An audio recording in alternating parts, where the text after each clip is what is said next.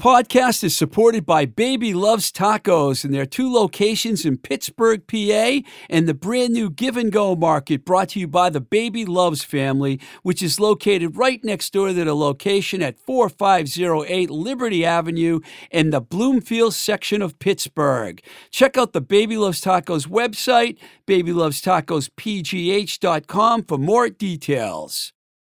This podcast is also supported by Disorder Vintage. If you have any old rock t shirts from the 80s and 90s lying around, get in touch with Ryan, the main man at Disorder, at disordertracks at gmail.com or on their Instagram page at Disorder Vintage.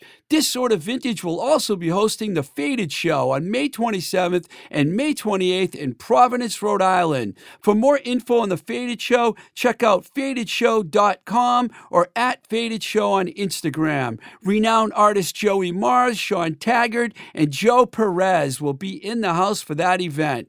That's one you don't want to miss.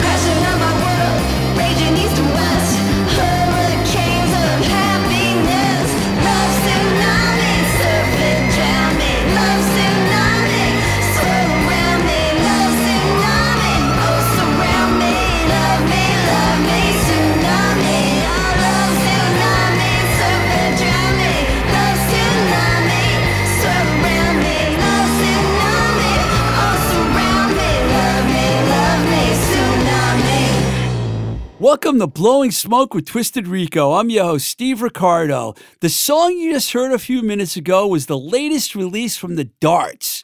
That was Love Tsunami, written by Nicole Loren.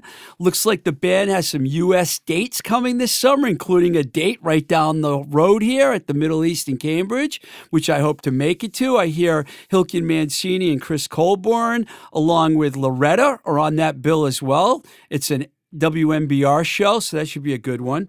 You might remember a little while back we had Melisa Jackson on the show, which was a real blast. It's good to see that the Darts have three new songs up now on Bandcamp as of April 12th. Those are currently only available digitally, but I'm sure knowing Nicole and the band, they will have some sort of a vinyl release, so stay tuned for that. This week, we have an interview with J.J. Gonson, who started taking photographs of musicians in the 80s while living in Cambridge, right down the road from here, and has quite an impressive resume of work with iconic photos of everyone from Nirvana to the Descendents to Elliott Smith and more. It's an amazing. She's had shows all over the place. In fact, it was not too long ago. She had a show down at the Diesel Cafe right down the road in Davis Square, Somerville, and her work is phenomenal. So if you go online, you can find a lot of her work and a lot of her pictures for sale. She's been involved with music for many years. She also managed Heatmiser, which was Elliott Smith's band before he went solo, or even he went solo during that band, I should say. And she spent several years in the Pacific Northwest, where she took many more great photos and hung out with some pretty cool bands up there.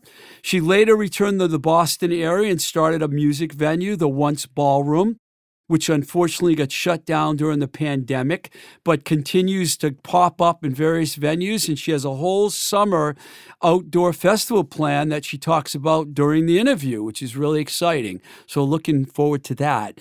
So, without any further ado, let's listen to JJ Gonson and yours truly talk about her great and extremely interesting life. So, um, I know you grew up in uh, Cambridge, which is not far from where we are now. Uh, wh- when did you get involved in music? Like, how old were you when you, and was it f- taking photos first? Because I don't know if I'm right about this, but I heard you may have been in bands. Yeah. Okay. So um, I have horrible stage fright, crippling stage fright, and performance anxiety, or whatever it's called, crowd, whatever. And um, I uh, I learned that by trying to be in a band. And um, my sister also, it turns out, had some anxiety around performing and got over it by being in a band. Like that was her way of dealing with it was just to power through it until she could perform. But um, I was in a hardcore punk band. They weren't whatever scream i don't even know what to call it. There was a lot of screaming and a lot of very loud guitars but it was more of like a fuzz band. It was but it was like pre-grunge. So i was in a pre-grunge band. 80s, like the- yeah yeah. but it wasn't i was listening to a lot of hardcore but i was also listening to a lot of like post-punk. Mm-hmm. and um i was in a band called feeding frenzy. And the guitar player of impact unit Oh, okay. Sam McAfee was the guitar player, and Wright Maney was the drummer, and uh, Patricia Lyeth was the bass player, and we were a mighty force. We were we were really mighty. We were loud. how old and were you around Powerful. when you were doing this? Um. Well, gosh, um? Sam, if you're listening, correct me if I'm wrong. Um, I think I was tw- twenty. Oh, okay. I think I was 20. I think I think I was more than a year out of high school.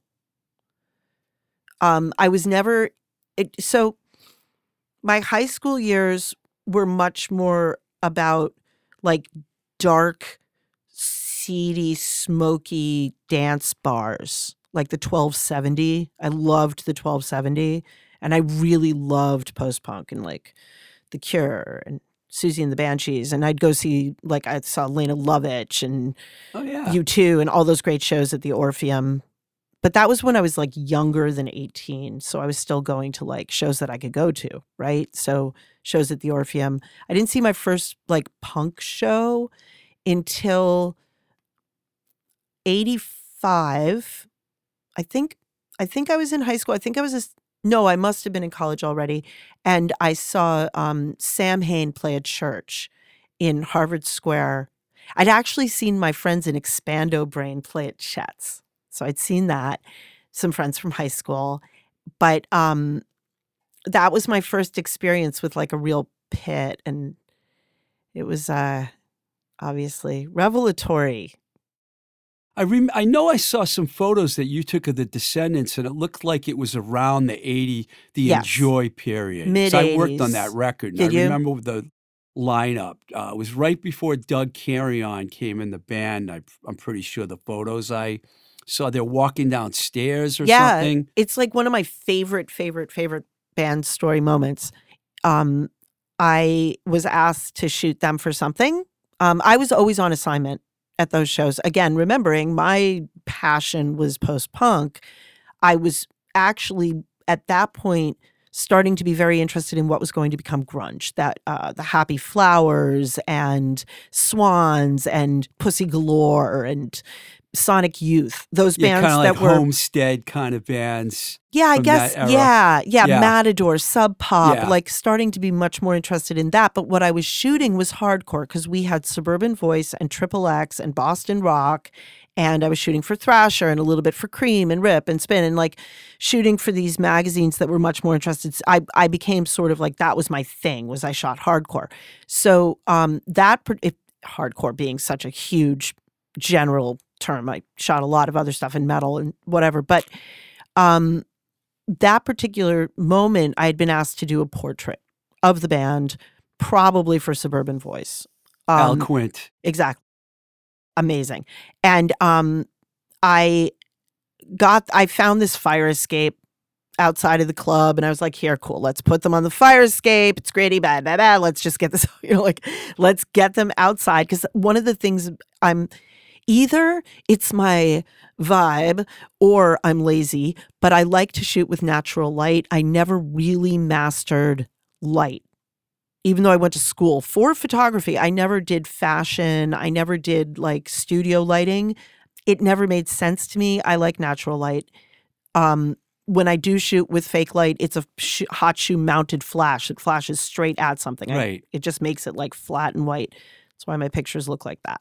So is it a vibe or is it a choice or am I just lazy? I think I'm pretty lazy.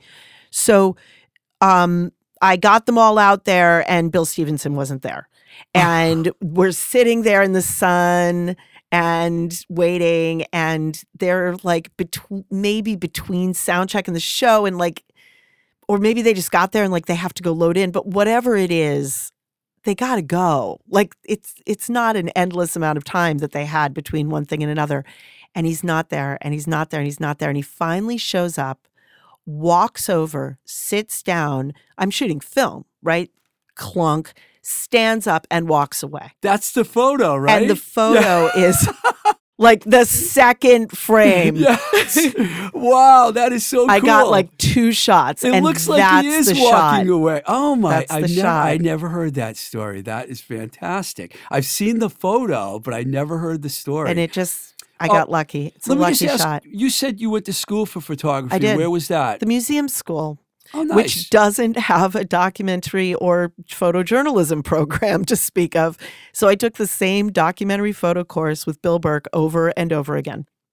So you mentioned, uh, uh, you know, Al Quint, Mike Gitter did Triple X. Were those the first guys that you knew that that asked you to shoot for them? Yeah, I met Gitter in line for Hüsker Dü when I was 18. Wow. And he was, I was a freshman at the museum school, and he was a freshman at Boston University, and he had a fanzine, and I didn't know what a fanzine was. And he said, "I have the, I have a fanzine, and I'm a big writer, and you know, talked a big game." And um, he said, and, and I said, "Well, I'm a photographer." I'm a freshman photo student at the museum school. I'm a photographer. And he was like, Great, I need a photographer for my fanzine.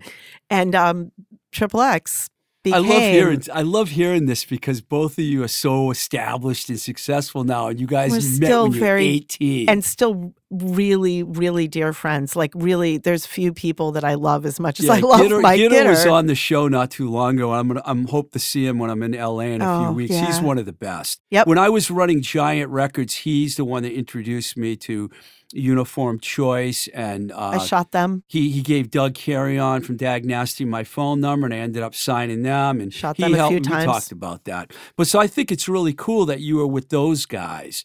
Al too. Al has been on the cutting edge of the whole thing since like the beginning. You know, I mean, did you go to any of those hardcore shows?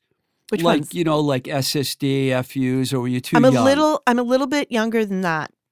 I missed the. I I always think of what I shot as second wave hardcore, right? So I shot Black Flag and Dag Nasty a lot, both of them. Youth of Today a lot, um, and then uh, uh, all the other folks who were coming through on tour at that time, and like you know, Uniform Choice and the Descendents and it goes on and on. Mod There's- like it goes on and on. And um then i also yeah. And then i also shot i don't know why that one came out of my mouth. How about Sna- how about snfu um and i shot um um some metal.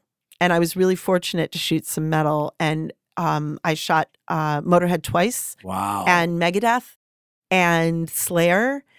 Um, yeah, I actually I shot Diamond Dave. I shot David Lee Roth once, and he made me turn over my negatives. I wasn't allowed to keep them.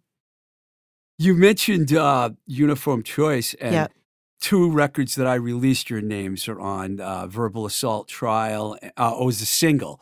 It was the Tiny Giant single. I think you shot the live. Is it that photos. picture of them like launching off the stage? Yes. so- So that photo, I that's like there's some photos that when I think of who I shot, I think like of my very, very, very favorite photos, and that's definitely one of them. That was one of those moments. It's kind of like this the photo of the Descendents where the the guitar is pointing out towards the crowd and the singer is launching off the stage and his Jones, knee yeah. is Chris is launching off the stage and his knee is pointing out towards the crowd and the whole motion of the band is moving out so it's like they're like a wave and the crowd is re- like ready they're so like ready for that the wave or someplace at one of those I think all that was shows. TTs. It was definitely one of those all ages shows, and I think it was TTs. So you were really going to a lot of all ages shows Yeah. around the mid '80s. That was All a of them. great time. I was living in New York at that time. I went to some of the New York ones. The New York ones were different. I went and shot for Thrasher one time a story called The Big Apple. And I went and shot, I think at the Ritz probably, or maybe it Oh was at yeah, that's on 13th Street. The I old loved Ritz. that place. That was a great venue. I shot some good bands there. Yeah. I you're gonna love this story. I shot the Cro-Mags there, and I was very, very, very tired. I don't remember why. Maybe I'd just been burning the midnight oil, but I was very tired, and I fell asleep on stage oh, no. under a piano where I thought no one could see me. I had a little break, like between shooting bands or something, but the bands were on. Like it was not quiet. And I fell asleep. And it was, and after the show, a friend of mine was like, You were on sleep. We were asleep like visibly through this band set. Like there you were on stage asleep. That's fantastic. Oh, God. I used Fortunately, to love I'm not very big.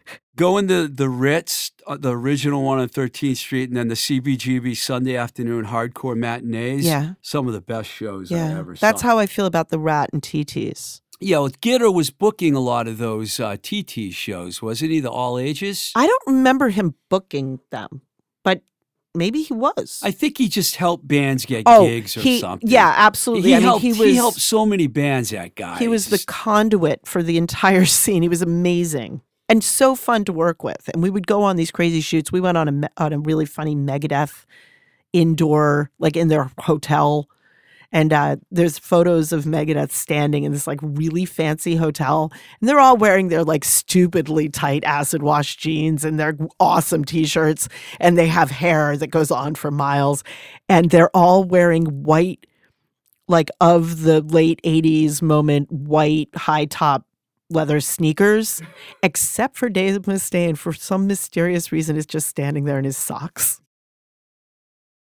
and it was in a hotel. And it's at the, I think it was at the Parker House, maybe oh yeah, yeah. oh, I know. Yeah, I know. right next to the Orpheum. They Yeah. were playing the Orpheum. Um, I was going to ask you about some of your favorite bands that you shot. You've already said a lot. Is there some that you didn't mention? The early bands that you shot that you Well, really liked Okay, so before you moved to the West Coast. I'm talking now. yeah, yeah. So in the '80s, the thing is that the bands I liked weren't necessarily the band. I liked everybody. I mean, I loved. I never would have gone to see the Descendents if I hadn't been working, and they were amazing. Do I remember it? No, I just remember that they were amazing. I was shooting. When you're shooting, you don't. I don't know. You don't hear, or I don't hear. I just hear the rhythm. So, um, the bands that really moved me, that really like brought me out, and sometimes I had a camera, but sometimes I didn't. Um, I really loved Pussy Galore and Sonic Youth. Um, I loved the Happy Flowers. I managed a band called Hullabaloo, who I adored, a noise band. Um, That was the first band you managed. I did read that somewhere. yeah, yeah, and um, um, and Nirvana. I was going to ask you about that because it's famously noted everywhere, and most of the time your name is somehow associated with it. That there were only 13 people at the Green Street Grill show the first time Nirvana played. Now that's true, right? That is true, and I didn't have a camera. You didn't have a camera. I wasn't shooting. I was on a date. Was Billy Ru- Billy Ruane didn't have something to do with the Green Street Grill at that time, did he? Was it him? Chuck that- White. Chuck White. Dresniak. Yeah, right, right. Chuck White. Yeah. Right. Wonderful Chuck. So what was what do you remember from that? That was pre Dave Grohl. What do I remember? oh, oh Yeah. yeah. And and you know it's funny. Like okay, that was pre Dave Grohl, but really the dates are very. It's a very short timeline. Um, I always think of it as years. It is years, but it's not many years. It's like three. Um, so it would have been eighty eight, right? I don't know. We Sounds could right. look that, sounds date up. Right. Um, and a friend of mine in a band who had come through on tour from Seattle called me and said, I have some friends coming through. They need a place to stay. I'll put you on the guest list. Oh, that was the best part I left out that they stayed at your house. How could I forget that? Go ahead. Sorry. oh, yeah, that's where this story goes. so Sluggo and I went to the show, and I'd been working a lot. He'd been working a lot. We'd both been working a lot. We were on a date and we went to see this band together because if I had a camera, we weren't, you know, I was working. And so I didn't bring my camera very deliberately to this show because we were going to see these friends' bands. Did you and, like, just think you were going to see see the band so you could take them to your house because they needed a place to crash? Or Yes. did you actually know about the band? No, I thought I was taking them to my house because they needed a place to stay. I think I think that maybe maybe I like somebody had sent me a cassette or something. Maybe I I I don't remember if I heard them before that night. I don't remember. But um but we were we were just and maybe we had friends who were on the bill too. Possibly. Anyway, so we went and we introduced ourselves. We were like, "Hi, we're, you know, we're going to put you up tonight." And they played and Kurt had smashed his guitar in New York the night before and hadn't replaced it. Jason Everman was still in the band. So Jason was playing guitar. Kurt was just singing, which was weird. Really? Wow. Yeah. And um, Chad was on drums. And they came back to to our little house, our little upstairs. You know, we had like one of those rooms that had like the roof, you know, and um uh in Watertown on Church Hill in downtown Watertown, which was great because we lived next door to a big um a big Catholic school, which meant that when they weren't there, there was tons of parking. So there was a place to put their van. And we um the the photos I have of them are not from the show, they're from the next morning because I shot all the time. It was unusual that I didn't have a camera. And whenever a band stayed at my house, I always shot them. That was just like I always did that. I document it. I because I document. That's what I'm Very doing. I'm documenting. It's I was just documenting. That's what I do. Um, we can talk about my obsession with memory and Wim Wenders the theory of the- shot. that wasn't then, was it? no, that's later. Um, so we became friends. Okay. Is the the yeah. the sort of the punchline of that joke, right? So we all became friends, and Sluggo traded a guitar that was less broken than the guitar that Kurt had smashed. Um, they swapped, and Kurt played Sluggo's guitar for a while until he smashed that. Um, and it was great. And I have a record somewhere that they wrote all over, and you know, it, it's really cute Fantastic. and um they came back I, I guess like a couple of times after that. There's a show i didn't see. They played they played somewhere like like spit or avalon or somewhere like that. Lansdowne axis Street. somewhere on lansdowne street. I, I wasn't there. I wonder if that was after i left. It might have been after i went to the west coast because i went to the west coast in the in 1990 but they played at man ray and they played in a basement at MIT. Wow. And that show was a real a real house show, a real DIY house show.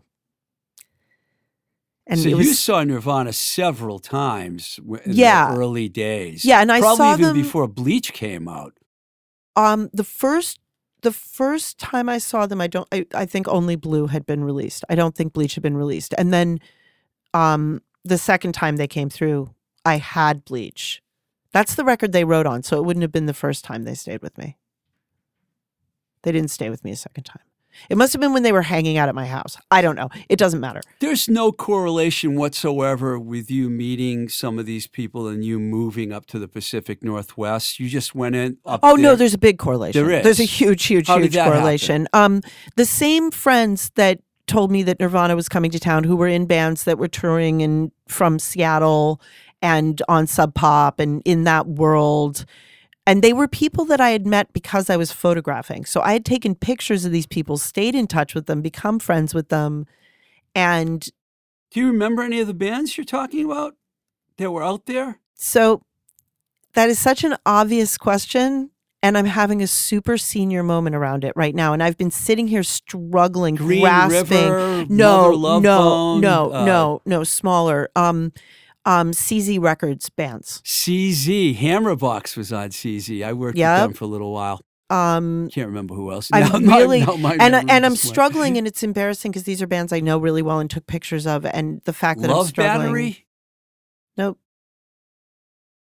There's so many Seattle bands. I can't do it. Seven know- Year Bitch. Oh, I I, love wish them. I never knew them. I love that band. I was going to ask you if you ever shot them. No, mm-mm. I didn't. I You shot Sleater-Kinney, I bet. I stopped. Portland. I stopped shooting. There's a story. I stopped shooting. when you went to the West Coast? Yeah, I mean, I still shot a little bit, but so I was in I was in art school in photography when I was shooting the bands, all those bands, and I had free darkroom access. Oh. And then I graduated and I didn't have free darkroom access anymore. and so I pulled way back on how much I shot because it became very expensive and I couldn't afford it. So I really pulled way, way, way back. And I wasn't shooting every show I was going to. But I also think it's possible that I've lost a lot of negatives because I feel like I must have shot more than I'm finding. It doesn't make sense because I know I took pictures. Anyway, I shot Sleater-Kinney going through records at Jackpot Records on Hawthorne Avenue um, in 1996. Maybe? I don't even oh, know. si- oh, shit. oh, shit that was a little for yeah. They were After they little- moved yeah. to Portland, because they moved to Portland, maybe it was 94. I don't know. You, you- let me just st- take a step back here because it's my fault. But I'm I didn't do a lot of those shoots. I only did a very few of those shoots. Like I know there's I know there's stuff missing because I know I did a post shoot with Pond and I can't find it. You Pond. Wow, they were a good band. They're I back. Forgot about them. Um, you moved to Portland. Why? So I moved to Portland because after I graduated from college with a useless degree in art education, because the government took all the money out of art education in 1990, the year I graduated, and put it into bombers to go into the war, the first Iraq war, right? So while we were bombing people, all of the people who had just graduated with degrees in anything that had to do with anything that wasn't reading, writing, and arithmetic weren't getting jobs because they'd pulled the budgets for everything extracurricular, including arts, music, theater, sports. Sports came back very quickly. Of course, America loves its sports, but arts have never really recovered. And home ec died at that point, and I believe that's why people can't sew or cook. But um, I couldn't get a job because I'd done this really extensive K through. I did a I did a degree in art education K through twelve, a double degree to teach photography. And I graduated, couldn't get a job. So I went and joined the Big Apple Circus as an electrician. But I didn't like it. I worked with them for about a half a tour. I didn't like it. I didn't like the the misogyny. I didn't like the brutality of the way people expected you to behave. Like they expected you to abuse yourself basically. Like circus. you only work 24 hours straight without eating or sleeping. I've been doing it for 32. Like, you know what? That's abuse. I don't want that. So I left. And I had done a lot of just touring with bands and driving around and staying with people. And I had learned from a lot of touring and driving around and staying with people that I liked Portland, Oregon. And I had friends there Interesting. And um, through a, a variety of circumstances, I got in my VW microbus tricked out with a futon in the back with my lab mix dog. and you know, a VW microbus can actually find its way to Portland, Oregon. it doesn't This actually sounds like need a you to drive 70s it. story, not a know. 90s story. I had my my boom box and my box of cassettes and some clothes and a boyfriend that didn't last. And I went to Portland, Oregon. And I stayed for almost 10 years. And I loved it. And I still love it. And I miss it every day. You have so many things to talk about that I have to keep this moving along. You managed Heatmiser. I did. Elliott Smith was in that band, and you guys became involved with each other. It's public knowledge and stuff. What, what what I wanted to ask you is what your management experience was like. I know you did Hullabaloo, but Heatmiser was another level, so to speak. Would you think? No, I mean, they I the think they same were, well, it was sort of a knock on, actually. So Hullabaloo, um, Hullabaloo had a real moment. Um, we, we were busy. We were doing a lot of press, a lot, we were touring, we were doing a lot. So actually, when I met Heatmiser, they had only played two shows. So they weren't even close to Really? where I'd let off with Hullabaloo. Um, but when I first met them, what they knew was that I had worked with a band at a level that they weren't at yet, and they wanted to get to that level. So um, when I did start working for them, it the idea was to get them out on the road and touring and you know recording doing stuff like that. And a lot of what i did also was um was media like you know keeping on top of the press. Did you like managing bands? Because to me, when I managed bands, it kind of, I would think at times that I needed a psychology degree almost, dealing with everything, because it was such a, it's like a family yeah, well, a dysfunctional It's one like usually. yeah well or the, it becomes dysfunctional because it's like you fall in love and get married with a lot of people. And not all of those people love each other. But you but you and maybe you don't love all of them but one of them loves the other one and therefore it's like a big polygamous family. And um yeah i love it until i hate it.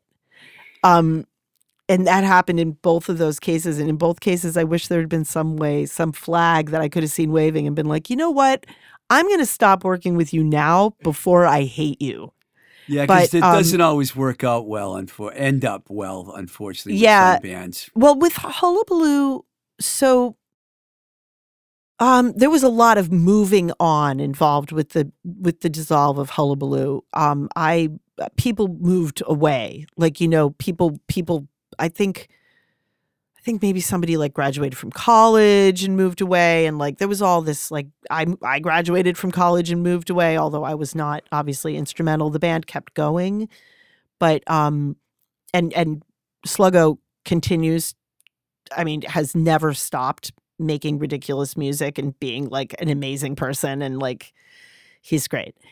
Um an amazing person to so many people. he's such a kind guy. Um so I I do love it. I love the so I like doing puzzles. I really like doing puzzles. When Wordle showed up, I was like, "Yes, you are my people." I got Wordle on my phone. I love it. I love it. So, um, I think that management and the music industry in general, I could extrapolate this probably into booking and all kinds of things in publicity in the music industry, but it's really a puzzle and a bit of a game and, you Good know, analogy. keeping on top of it. So, so I like that part of it a lot. And it's definitely transferred into running a nightclub, running a catering company, running a photo archive, like all the things that I do. These are all puzzles that need to be solved. So I love it. You're very multidimensional. There's no doubt about that. Um, It's a nice way of putting it. So you, you okay? I, I'm, I'm this the whole Heatmiser thing. Yeah. The bigger story always ends up being that Elliott decided, Elliott Smith decided he wanted to make a solo record, and history has it, even says it on Wikipedia, that he recorded the Roman Candle record in your basement at your house. It's on Wikipedia. Yes, that he. Does that make it real?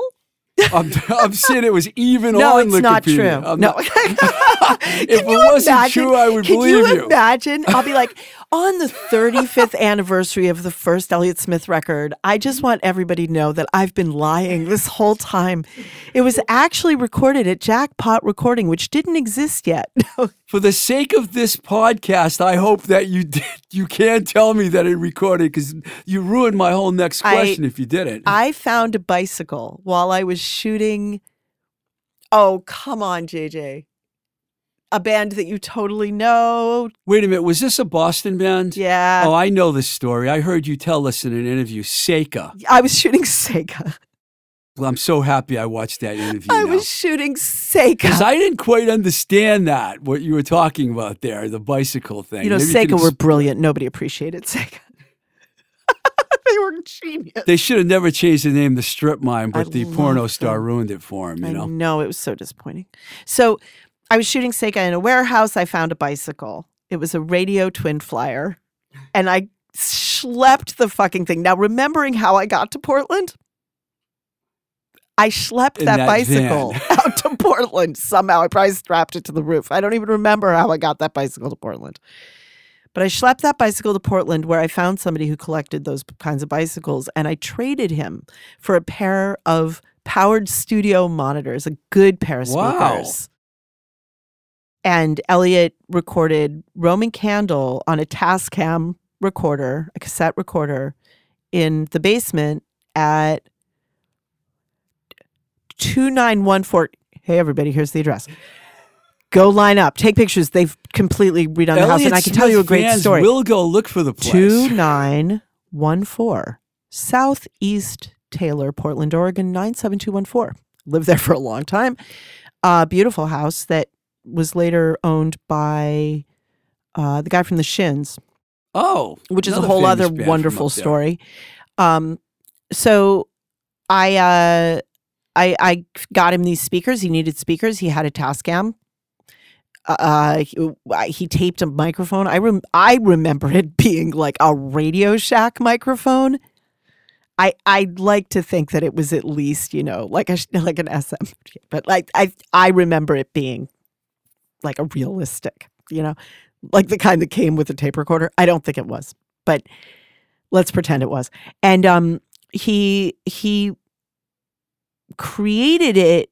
it- It's a tapestry. That record. It's not a one take by any stretch of the imagination. It is bounced and and punched in over little tiny tiny pieces. But what's wonderful about it, what's really magical about it, is whatever microphone he was using did not have a pop shield or any kind of you know mitigation of Right. sibilance and when you listen to it you can hear the snap of his mouth as he's singing you can hear because he sang very very quietly he had to crank everything up and um I think that what makes that record special to a lot of people, and certainly what made it special to me, is that because of that, it sounds like he's whispering in your ear.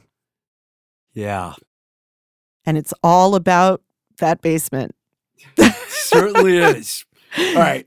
Um, your your work your work turned up. Uh, you know, is turned up in a ton of magazines. Uh, Triple X, uh, Creem, Rolling Stone, a bunch in between. You must have like an enormous archive of photos. I know you put out the Elliott Smith book. I read or heard somewhere that there may be a Nirvana book coming. Do you have? You must have an enormous amount of work laying around. So what are you going to do. do? Is there going to be more books? Well, in a perfect world, somebody listening to this podcast says, Hey, I'm a photo agent and I produce photo books, and calls me and says, I want to help you make a book. Um, the the next project I'm working on that I'm aware of immediately um, is I'm pulling out a lot of pictures of people in Portland, Oregon, and looking to see if there's um, there was a there was a very famous book by a photographer named Nan Goldin called The Ballad of Sexual Dependency, and I'm interested in creating a body that is as captivating to look at as that body is without knowing who the people are which i think is what makes that book a success is that people want to look at those pictures even though they aren't famous because i've struggled with this my whole life that as an artist i want people to look at my work subjectively i want them to critique it based on its merit as a piece of art but the fact is that you see my art because it's Kurt Cobain. Who it is, right? And um I'm I'm okay with that because I think that you take your successes and enjoy them because they are rare. And so it's okay to revel in them. Um but the artist and you know i'm thinking now everything after but disqualifies anything you said um the art and the artist in me is grateful for an opportunity to perhaps start to dig into material that isn't necessarily of the famous faces that said there is a role of nirvana that nobody's ever seen wow. and um i i don't know if i've ever said that publicly. There's only a couple of pictures that are you know that i would think of as being publishable. The rest of them are out of focus or whatever you know they're not it was black and white. Like not every picture works right? Right. But, I you know, love black and white photography me myself. too. I still shoot. I'm having some camera issues.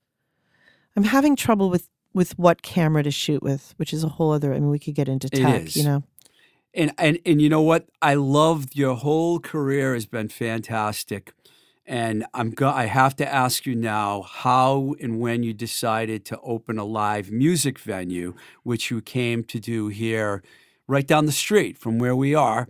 And unfortunately, the pandemic like did a number on you and you don't have the space anymore. But you did mention that you have some exciting things in the works, but talk about how, what made you start the venue and try and you can't really ignore what happened with the pandemic, but how you're surviving from what happened. Okay. So, um, like all of my stories, there's a it's it's backwards. I didn't start a venue. I um I had a catering company called I still do called Cuisine en Locale, kitchen on location, local food. Um, I had been in a number of shared use kitchens and I wanted my own kitchen and I wanted to start producing more like big events, weddings, things like that. And I found this crumbling event hall that had been empty for a, at least a year and had really fallen into disrepair.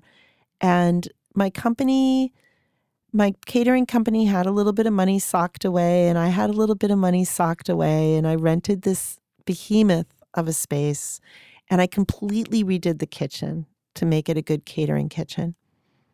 And I didn't build a good marketing plan. You know, it's the problem with not having partners is you can only be so good at so many things. I'm a creative person and I'm a pretty good business person and I'm okay at money stuff, but my strengths are really creative. Mm-hmm. And um I had this space and it was beautiful and I had like redone the the floors and built this beautiful kitchen and polished the chandeliers and the mirrors and I got it all ready to go and I couldn't book it. Um, it it had a number of reasons why it was problematic, including the amount of noise in the building, believe it or not, which was substantial. There's a um, there was churches, still are churches up and downstairs, both of whom meet seven nights a week, and um, they the church upstairs had a bigger sound system than we ever had. So there was a lot of sound issues. The parking was not good, and it was old.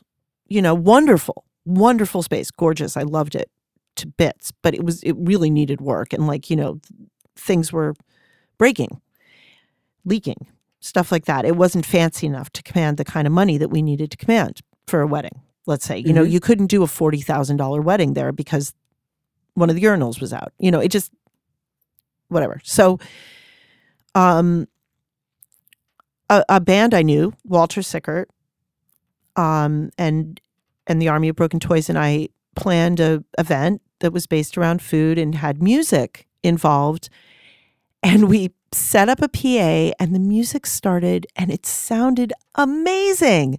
It sounded great. We were like, "Whoa, this room sounds good." Who knew? This had been, we had already been in that place for like a year, just pouring, like buckets of money, just pouring into a black hole, going into debt, running up credit cards, like awful. So um so it it happened accidentally and it was it still took a long time. It was a couple of years before we got up to any kind of real speed. I had never run a restaurant or a nightclub. I had no idea what I was doing, no partners, always a single owner. And I stumbled and tripped through it, but I had been in the music industry for 25 years You or whatever it was. So I was literally calling my friends, calling Amanda Palmer. Hi, Amanda. Could you do me a favor? We really need some money. Could you play a show? Wow. and you know, that's these are people who I've known for years who love me and were like, yes, I will come play a show to make your venue money. And then, like, you know, cool, now we have $5,000. You know, like, it was really, it was really, really, really hand to mouth. It, I, I'm very grateful to a lot of people that I, I can give a lot of credit to who worked very, very, very, very hard for many, many years. And, um, one of the many, many people just you wouldn't expect it was somebody who was at Live Nation, who was at Crossroads, um, Lance Tobin, who saw an opportunity for his company to have a small space to put bands so that they could get them on the first time around, so they could catch them at Brighton Music Hall or Paradise the second time Mhm. around. But he also genuinely 100% truly believed that it was important to support a little venue. And so Live Nation placed a lot of shows, Crossroads placed a lot of shows at once over the years. And I used to think of those, I, whoever's listening, this is not an insult, it's a joke. Um, I used to call them the oil changes of our, you know, they were like what we, our, they were our day job, right? our day job was these wonderful crossroads shows and they were wonderful. They brought in great bands, not always, but frequently bands that I was, you know, excited to get turned on to and sometimes bands I already knew that I was really excited to have and then other promoters I was um I have I'm not a booker I am not a booker nor am I a venue owner You had Chris Porter working with you. Too, I had right? Chris Yeah, Porter Chris work with great. me. I he, amazing He worked with me for years and years until the venue closed. Um, Porter Productions, Bridget and Chris worked. You know, did great, great work. Um, Live Nation before and you know, um, and during and and even after Lance went to New York and um, we we learned over six years. We learned how to do it right. We my a, a, a very very very very close friend of mine who has spent years on tour in Europe said, "Be like Europe."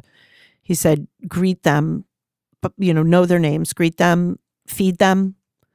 Um, when we were at our best, um, we we fed bands very well. You know, we cooked them good food out of the Cuisine en Locale kitchen. Bands like that. Yep. And um uh it was it was a it was a beautiful place and it was really um it it I think that it had a very particular vibe, I'm using that word again, a very particular spirit because of the innocence. Because of the naivete, right? If you don't know that you're not supposed to walk into the green room, sit down, and start hanging out with a band, then you just sit in, you know, whatever. I mean, why not? Honestly. But in a lot of cases, these were people that I knew because I was frequently part of the process of booking the band. So a lot of times I was there because I was saying, "Hey, it's so nice to finally meet you in person. You know, we've been emailing and but maybe that's not exactly how bands are used to things going. You know, they're maybe not used to the owner walking in and pulling up a chair and like the the green room at once was crazy. Did you ever see it? No. It was crazy. It was really, I used to joke that it was the inside of my brain. It was basically a repository for my bric-a-brac. There was plants growing all over. It was the only outside window in the entire place. There was plants growing all over the window, vines and cactuses growing all around the window, and toys and cookbooks. There were shelves of cookbooks and a big round table that I had bedazzled in one of my more bored moments. I had glued like gemstones all over it, and there was decoupage cartoon drawings on it, and so and this like crazy couch, you know, like velvety whatever lounge, and so people would come into it. I assume their first impression would be like, "Whoa, this is not a normal venue." And then the venue itself was this haunted ballroom, right, with crystal chandeliers and crazy carpets and a big parquet floor and a big sound system, which is in storage waiting for a new home. And you know what? We're going to fast forward to that right now because we don't need to talk about the pandemic because we've been talking about that too much. And I'm sorry about what happened to you. But Thank you. did mention out in the hallway that you have a new something new that's going to be happening this summer. Why don't you plug that for us? I'd love to. I'd love to. So we um last summer we did 26 music festivals. We basically created an outside music venue on a parking lot very very generously given to us by Boynton Yards, who are a development in, In Union Somerville. Square in Somerville. And um this summer I am being more realistic about how much bandwidth and how much energy people really have. So rather than 26 festivals, we're doing 8 and they are two a month, although they're not spread out perfectly every two weeks. They're two a month through uh, June through September. And I could recite the dates for you, but it's probably easier for you Is to just link them out. Um, I have a website. It is oncesomerville.com. and all the shows are up there. And the one that has been announced to date is there. And the second, by the time you are doing this, the second will have been announced and you can buy tickets. There is also an all season pass. Ooh, that's great. should you be interested in an all season pass at a deep, deep, deep discount. Um, there will be nine or 10 bands a day. So altogether, it's going to be, you know, short of 100 bands. I love the festival settings. Yep. It's every one of them, they all follow the same format. They're $15 in advance, $20 day of, nine or 10 bands, vendors, food. They start at noon, they end at 10 p.m. Do you have a date for the first show? I do indeed. It's June 11th, Summer Pride, featuring Walter Sickert and the Army of Broken Toys. And in direct support is DJ Wysham with Brandy, Blaze, and Cake Swag. Wow. Awesome. Well, you heard the website. Just give it one more time in case someone want is it one It's one Somerville, but Somerville is spelled S O M E R V I L L E. So it's O N C E S O M E R V I L L E dot com. Thank you so much for coming down here today Thanks, and Rico. talking to us. It's been good. Cool. Thanks.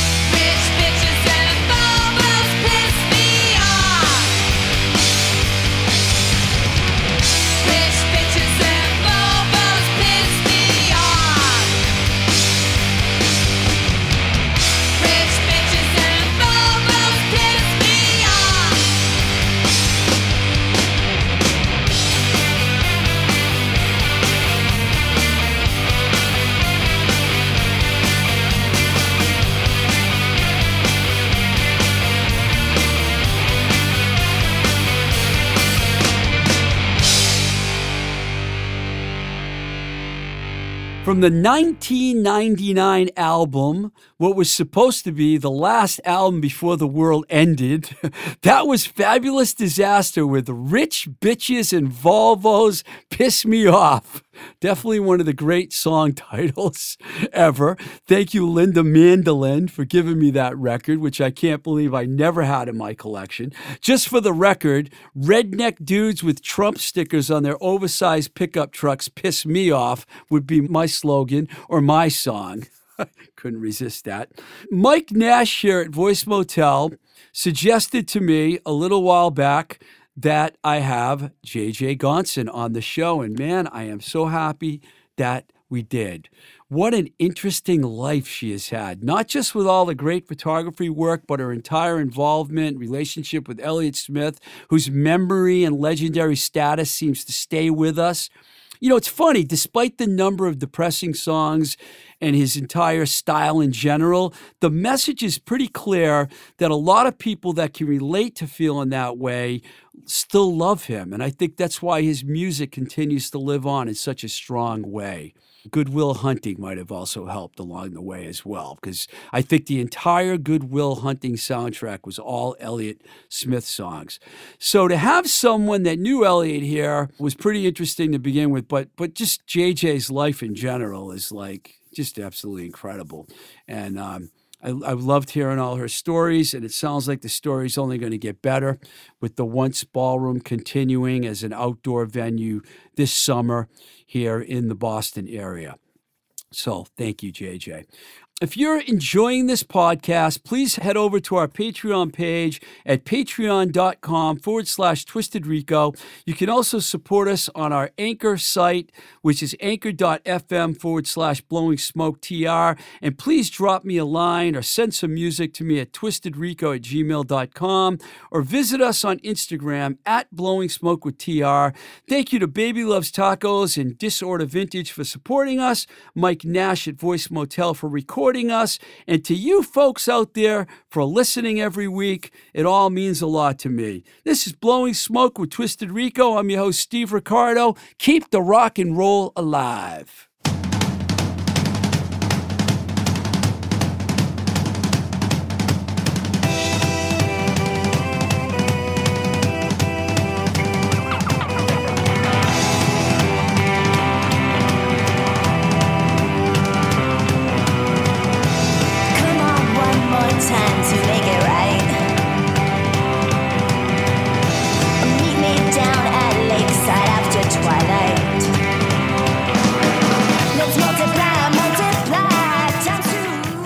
Voice is recorded at Voice Motel, voicemotel.com, your complete podcast recording experience, located in Union Square, Somerville, Massachusetts.